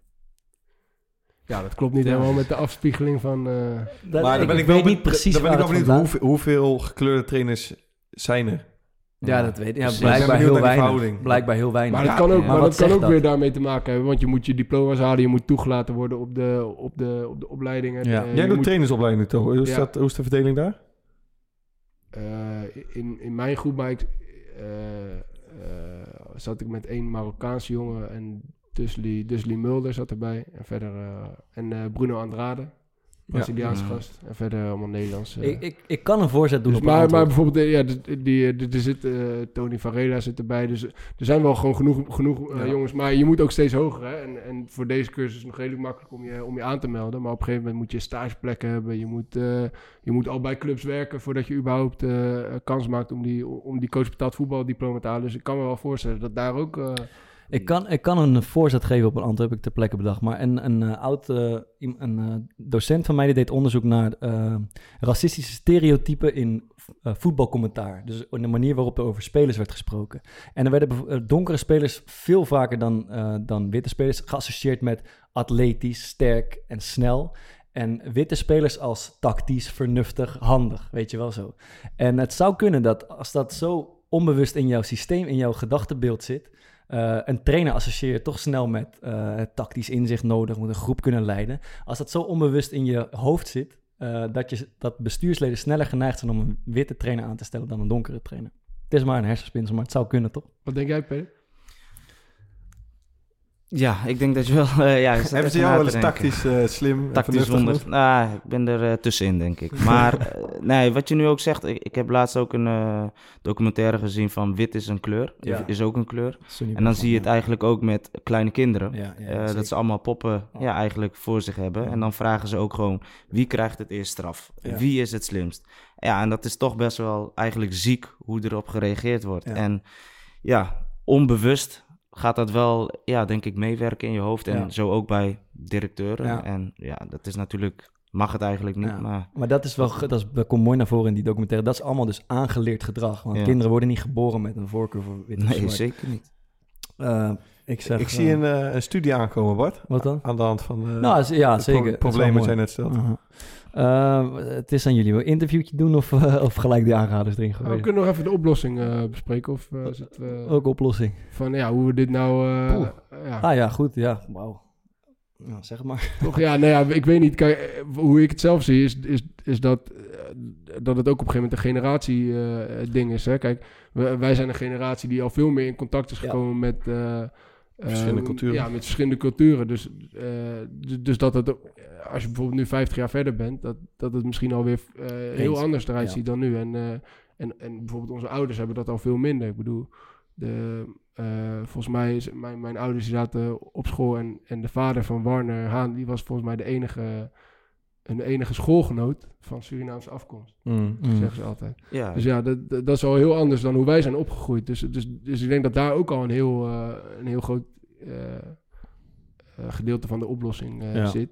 En, en deze demonstraties waarin iedereen meeloopt, dat is, ik denk dat dat top is. Maar je moet nu wel, denk ik, weer op zoek naar de nuance. Ja, ja ik hoorde die, eh, die Jerry Afrië, heet hij geloof ik, op de radio. En ik vind hem persoonlijk niet zo'n hele sterke woordvoerder voor, voor die kick-out Mm. Zwarte Piet discussie. Maar hij, hij snijdt één punt aan. En eh, wat belangrijk was, en dat hij heeft het gewoon over school, educatie. Ja, leer, kinderen, ook eh, leer kinderen over wat goed en fout is, over, dit, de- over het verleden, dat soort dingen. En ik zag, ik zag bijvoorbeeld een afbeelding, dat was wel een beetje pijnlijk, van de Gouden Koets. Hebben jullie die gezien? Ja. Ja. Ja, Ja, dat, kijk, dat soort dingen zijn natuurlijk... Maar over Ja, die, over die, over die Jerry. Afrië, Ja. ehm, ik heb dat ook gehoord. Het was een interview van ongeveer een half uur. Ja. En ehm, hij is, ik vind hem verbaal niet... ehm, Nee. eh, of hij, hij komt niet heel makkelijk tot het punt wat hij wil maken. Nee, en zo, Want- was wat- rancuneus voelt hij ja, maar ik dacht pas goed. eigenlijk na, helemaal op het eind. Mm. ehm, zei hij iets, toen dacht ik, ah, dit is eigenlijk het hele punt wat je wil maken. Maar nu breng je het pas, eh, gooi je het er pas uit. Hij wil ehm, dat gekleurde mensen een stem krijgen in eh, het verhaal wat over bijvoorbeeld het slavernijverleden wordt Ja. verteld. Want nu zijn er toch veelal, ook in schoolbesturen, Ja. eh, het ministerie van Onderwijs, kijk maar, Ja. ehm, witte mensen die gaan zeggen van, hé, hey, we gaan dit vertellen over de historie. Mhm. Oh, we moeten over, over eh, slavernij gaan hebben en over racisme. Oké, ja. nou ja, weet je, in Nederland is dat niet echt. Maar hij zegt van, ja. je, jullie, weten niet hoe het is. Geef Ja. ons daar een stem in. Betrek ons daarbij. Maar het is ook wel, eh, is ook wel lastig, toch? Ik bedoel, wij hebben ook met z'n drieën, wij maken deze podcast en we wilden het over dit onderwerp Ja. gaan hebben. Ja. Toen zaten we te denken van ja, het is leuk om iemand uit te nodigen. En eh, eh, we, we- we hadden het over eh, eh, Denzel gehad, over uh, Achie gehad. Nou, dat vonden we gewoon echt lastig, omdat we ze goed kennen. En, eh, en, we weten van ja, dan gaan we jullie uitnodigen alleen om, om, om, om dit gesprek te voeren. Ja. En met jou hadden we dan hetzelfde. Hè? En we vonden het dan ook nog wel mooi dat je in Amerika had gespeeld. Eh, dus dat was rele- relevant. Maar ja, dat maakt ons toch op een bepaalde manier wel, eh, wel, wel ongemakkelijk, zeg maar. Ja, maar is Dus het, de- dit is, het is nog ongemakkelijker om je met drie witte gasten over Dan te had ik, ik had dit gesprek toch? niet willen voeren, man. Zonder eh, Nee. met z'n drieën maar. Ja, ja, ja. Hoe, ja, wat, wat vind jij daarvan? Eh, ja, we- kijk, we, ja, misschien... Een soort van, ja, we gaan het nu over racisme hebben. Nou, jij hebt een kleurtje, dan, wil je met ons over komen praten? Beetje, dat voelde voor ons wel een beetje zo van... Terwijl we helemaal geen foute intenties Nee, hebben. nee, nee, dat snap ook. ik. Alleen, het, het staat bij mij wel dichterbij. Ja, Ja. denk ik. ja, en dat bij is jullie wat punt, verder af. ja. En daarom komt het misschien wat minder persoonlijk binnen voor anderen. Ja. En ja, daarom vind ik wel belangrijk ook dat er eh, inderdaad geen... eh, niet dat jullie alleen met z'n drieën hier zouden zitten. ja, wij En- kunnen dat gesprek denk ik niet goed met z'n drieën voeren. Nee, want ik denk dat jullie ook niet per se vroeger eh, op school gediscrimineerd zijn. Nooit, weet je wel? Absoluut niet. Nee, Nee, je weet er niks van gefouilleerd worden of niet binnenkomen. Of Dus dan denk je misschien al snel van, ah, het zal wel meevallen. Ja. Weet je? Ik wil wat nog wel zeggen over eh, het school, schoolsysteem waar we het net over hebben. Ehm, ik ben nu een documentaire aan het kijken. een documentaire serie Why We Hate. Ehm, iemand toevallig iets van gezien? Nee. Het gaat over eh, het feit, ja, waarom haten mensen elkaar nou? En waarom zijn we daartoe in staat? En is dat nou iets specifiek voor mensen? Of komt het ook bij diersoorten voor? Is dat, eh, leer je dat aan? Of zit dat er van eh kinds af aan al in? En ik heb nu de eerste aflevering gezien. En als je dat al ziet, dat geeft zoveel opheldering over, of verheldering van hoe we als mensen in elkaar zitten, ehm, waar, we, waar bepaalde zaken van afkomen. En ik vind dat, ehm, kijk, ik heb op school bijvoorbeeld natuurkunde en scheikunde gehad. En ja, ik vond het toen niet echt interessant, maar ik snap wel dat je daar dan een soort van eh, een beetje affectie mee moet krijgen. Want stel je moet, eh, ja, je wilt toch natuurkundig hebben in de toekomst en weet je, mensen eh, daar ook voor eh, enthousiasmeren. Maar ik zou veel, heel graag op school ook vakken voorbij zien komen... waar je gewoon een inzicht krijgt in wie je bent als persoon. In een stukje met mentale begeleiding. En die je echt voorbereidt op het leven zeg maar, als een volwassene. Van hoe kijk ik naar andere mensen? Hoe kijk ik naar mezelf? Eh, hoe gaan we met zo'n racisme-debat om? Weet je, hoe sta ik in de samenleving? Wat vind ik van eh, bijvoorbeeld het slavernijverleden? Ik denk dat daar hartstikke veel ruimte voor is... om dat op een andere manier toe te lichten. En nu omdat...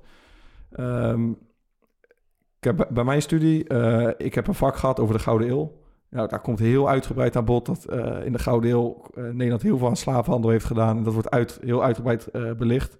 Maar dat is op het, zeg maar, op het hoger onderwijs. En ik denk als je op de basisschool of op de middelbare school daar wat over meekrijgt, nou, dan is het Gouden Eeuw, Hollandse Glorie, Nederlandse zeehelden. Ja. En als je volgens alleen maar dat verhaal meekrijgt en je krijgt vervolgens ook niet echt sturing en hoe, hoe dat van huis uit meegaat, ja, dat is voor iedereen Ja, verschillend. ik ben natuurlijk in Kaapstad geweest. En als je daar bent geweest, dan is het echt... Dan, eigenlijk, als je er goed over na gaat denken, is het echt krankzinnig dat, dat de VOC en al die zeehelden, dat die gewoon vereerd worden hier in Nederland. Ja. Dat is echt krankzinnig. Het is natuurlijk wel een hele andere tijd geweest, dat weet ik. Maar die hebben gewoon...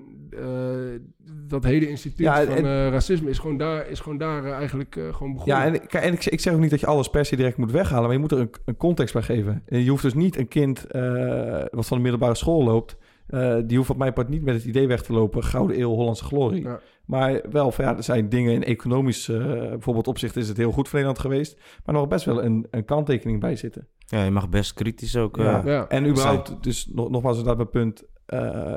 Er zijn gewoon een aantal dingen, zoals eh, levensbeschouwing. eh, hoe kijk ik naar maatschappelijke zaken? Ik denk dat je daar als kind veel... Ik heb dat bijvoorbeeld op school helemaal niet gehad, man. Ik weet niet of het bij jullie zit, maar... Nee, ik En ik denk dat er hartstikke veel ruimte voor is. En dat dat ook heel verhelderend kan zijn... voor als je daarna, zeg maar, de grote mensenwereld in Maar het is ook, is ook lastig, hè? Want we hadden, het over, eh, eh, over terminologie in het begin. Ja. En ik denk dat dat extreem belangrijk is. Want, want ik ben bijvoorbeeld wel eens eh, meer dan één keer uitgemaakt voor, eh, voor, voor racist. Omdat ik bij VOC speelde. En omdat, Ja. we, omdat iets gebeurde wat in het nadeel was van de tegenstanders, bijvoorbeeld. En, en, eh, en, en dan kan het best wel zo zijn dat, dat dingen gewoon compleet verkeerd eh, begrepen worden. En, eh, dus, dus, dus misschien is dat ook wel gewoon echt belangrijk om, om- dat gewoon een, eens een keer gewoon heel duidelijk. Wat, wat kan nou wel gezegd worden, wat kan nou niet gezegd Nou ja, worden? kijk, dat, wat eh, Ron Jans in, in Amerika is overkomen.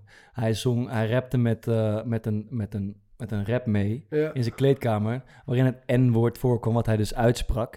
En daar is hij voor ontslagen. Ja, ik heb wel begrepen Maar dat er is- meerdere dingen Maar dat is zijn bijvoorbeeld, oké, dat zou kunnen, maar dat is bijvoorbeeld iets wat in Nederland mm, ondenkbaar is, toch? Dat je daarvoor wordt gestraft of ontslagen. Nee, maar je komt wel in een land Ja, waar je weet dat het heel gevoelig ligt Ja, en niet Ja, mag. al Jan lijkt me En- ook wel iemand die zich in die cultuur verdiept heeft. Ja, juist normaal. Ik, ik heb met hem gewerkt Ja. en ja, dat zou je niet zo snel bij heb hem je, denken. eh, heb, heb je daar ook boosheid over gevoeld als je, toen je dat las? Dat hij dat... ik had het nou, gewoon niet verwacht dat hij dat zou Nee, dat- zeggen, want als je daar bent, weet je dat je dat niet mag zeggen. Ja, ja, En helemaal niet als eh, hè, witte man. Ja, ja, ja. Maar is het toch eigenlijk raar dat je, eh, dat je niet mee kan zingen met een liedje? Wat, wat ja, dat iedereen luistert. ook wel met je toch? Ik- ja, dat is, dat dingen is, denk dat ik is van- toch ergens, eh, Ja. klopt dat toch niet? Ik bedoel, Ja, maar misschien hebben zij hem er ook een beetje ingeluisterd. Ik, ik weet niet Ja. precies hoe het is gegaan. Alleen, ja, als je weet dat dat ja, niet mag en het komt toch in een ja. liedje voor, ja, dan moet je toch misschien even Maar als er in. Nederland een soort tendens... Wat zou kunnen? Een tendens gaat ontstaan dat dat ook hier gevoelig gaat zijn. Het is zo gevoelig. Ja, maar niet zoals in Amerika. Nee, niet zoals in geveer, maar het ontstaat Maar denk, wel is er nou niet Ik een punt wat Thomas probeert te maken? En ben ik eigenlijk wel mee eens dat je denkt van... "Pff, nou, ik, ik mag toch gewoon een liedje mee rappen. Die gasten hebben die tekst zelf gemaakt. Waarom mag ik dit woord Ja, maar niet daarom vind ik het is goed om dat bespreekbaar te maken. En ehm, al vanaf jongs af aan. Ja. Dat je daar eh, ook leert dus over na te denken. Dat je woorden andere waarden kunnen hebben dan wat jij bedoelt. Maar inderdaad dat je daar dus eh, een gedegen afweging over kan gaan maken. Ja. Van wat kan wel, wat kan niet. Ja. Eh, en niet willekeurig van, ja, hey, dat heb ik altijd gezegd. Dat Mhm. kan gewoon niet zeiken. Mhm. Ehm, en tegelijkertijd, wat jij, ik snap jouw punt ook, dat het ook heel erg kan doorslaan. Ja. Ik, las, ik las ook één, eh, je, je hebt, je hebt op een gegeven moment allemaal van die eh, spreuken van, eh, ja, dit is heel vaak tegen me gezegd en dat is ook eh, een soort van racisme. Ja. Het ging het over, eh, en daar heb ik me echt super vaak schuldig aan gemaakt, aan die uitspraak van, eh, als je aan iemand van een andere cultuur vraagt, eh, Exact, ja. waar liggen je roots? Waar, kom je, ja, ook, hoor. waar- kom je vandaan? Ja. Terwijl dat voor mij persoonlijk juist eigenlijk een soort van interesse was. Ja. Omdat ik het heel interessant vind Ja. om, om dingen van verschillende culturen eh, te weten. En, en, en, en van mensen die daar zelf uitkomen om, om dat gewoon te vragen, zeg maar. Maar dat wordt dus blijkbaar ook als, als, als een soort van kwetsend. Eh, Vind jij dat ook? Nee, ik, voor mij persoonlijk niet. Maar, en als je... Ehm. Ja, maak je, maak je zin af. Nee, voor mij persoonlijk niet. Mhm. Zo heb ik het nooit ervaren eigenlijk. Maar ja, eh ieder persoon is wel verschillend natuurlijk. Ja, Ja. ik, dat vind ik ook heel erg goed. Ik, eh, dat, van, ik doe dat ook zo vaak. Ik ben gewoon nieuwsgierig. Waar, waar, waar liggen je roots, wat je afkomst? En ik lees dan ook dit, dat, dat ook als je daar als eh, donker persoon zo vaak mee geconfronteerd in je leven, dat je ervan begint te walgen. Ja, en dan, dan, dan, dat, dat voel ik, die pijn voel ik niet echt, omdat het zoveel, omdat het zo geen foute intentie heeft. Wel Gewoon, het heeft gewoon met nieuwsgierigheid in een ander te maken. Nee. Net als ik aan een andere persoon vraag, wat heb je gestudeerd, wat doe je voor werk? Dat is gewoon, ik vind ja, het gewoon dus dat is- interessant. die intenties blijven in principe altijd wel, eh, wel het belangrijkste in mijn ogen. Ja. Ik bedoel, eh, En ik Maar zou ja, juist ja. met trots willen zeggen, juist Ja, ja, waar eh, mijn dat is tof. Bolzwart. Roots. Gaan we toch- we gaan eens toch? ja, half. Ja. Maar zulke gesprekken helpen, als je zo zegt we moeten over een oplossing hebben, dan zulke gesprekken helpen al, al Ja. richting een oplossing. Ja, we hebben bij, ja, dat is misschien nog, eh, bij, bij VOC loopt een Ghanese man, eh, die, die, die, die, die, die is in Ghana geboren en die, die doet daar alle scheidsrechters eh, coördineren. Nou, dat is denk ik echt het meest vreselijke taakje wat je, maar hij vindt dat helemaal geweldig. Hij maakt daar echt eh, eh, een ding van. Hij zorgt dat jonge, jonge jeugdspelers eh, eigen wedstrijden gaan fluiten en dan gaat hij met die gasten paintballen, pizza's eten, weet ik het Mhm. wat. Nou ja, hij heeft mij ook regelmatig gebeld. Ik zei altijd tegen hem van, ja, ik kan het eigenlijk niet, maar als je echt iemand nodig hebt, dan, eh, dan moet je me bellen en dan, en, dan ga, en dan ga ik fluiten. Zo ben ik vier jaar geleden op een Capverdiaans kapperstoernooi in, in Rotterdam terechtgekomen als scheidsrechter. Nou, geloof me, daar wil je, daar wil je niet als scheidsrechter staan. Ik denk niet dat je het heel goed deed. In de ogen van hem. dat was echt vreselijk. Maar ja, ik kon gewoon geen nee zeggen tegen hem, omdat ik weet hoeveel energie eh, Ja. en tijd hij erin stopt. Maar VOC is best een eh, blanke vereniging, of witte vereniging. En eh, eh, hij, hij- ja, eh, die wedstrijd van jeugdwedstrijden, die lopen regelmatig uit de hand. En dan is de boosheid vooral gericht op scheidsrechters. En dan moet hij in de bres springen voor van die jonge pikjes die in principe misschien niet eens capabel zijn, genoeg zijn om te, om, om te fluiten. En dan kreeg hij regelmatig van gekleurde mensen te horen, ja, wat ben jij nou aan het doen? Je, je hoort toch, je hoort, je, je hoort niet bij hun, je hoort bij ons, je, wat ben jij voor een neppe? Werd gewoon letterlijk tegen hem gezegd. En dat was echt, dat, dat vond ik echt hartverscheurend toen ik dat, Mhm. toen ik dat hoorde. Want, want die man die, die, die zorgt voor zoveel verbinding en die, die doet zoveel goed werk. En, eh, en eh, ja, het is gewoon voor mij on- onmogelijk om dat te begrijpen. Ja. hoe, dat, hoe, hoe, dat dan precies, hoe, hoe dat dan precies werkt. Ja. Eh, ja, dus ja, wel een kleine shout-out naar, Daar is die weer. ja, naar, naar, naar de scheidsrechtscoördinator van VOC. Ehm, Ja, we zitten, de, we zitten flink in de tijd, maar eh, het is een relevant onderwerp, dus dat geeft niet. Maar een paar aanradertjes om af te sluiten zou, eh, zou mooi zijn, toch? Ja, leuk. Goed plan. Pelle, ik ben heel benieuwd of jij iets hebt om, eh, om de kijker mee eh, te verblijden. Het is iets heel anders Ja. voor eh, ambitieuze jongeren of oudere ja, mensen. Ik zou het boek lezen, Ondernemen is net reizen. Mhm. Ehm, ja, voor als je iets voor jezelf wil beginnen, is dat een eh, ja, laagdrempelig boek eigenlijk om eh, te gaan lezen. En aan de hand van het boek, ja, er zitten ook opdrachten bij. Ehm, ja, kan je jezelf een beetje verdiepen in het onderwerp en kan het je helpen misschien om eh, iets te beginnen voor jezelf. Het is niet hetzelfde boekje als, eh als Ryan Babel. Even Nee, nee, nee. nee. Het, is een, eh, het is ook een Nederlands boek. Heeft het jou al geholpen?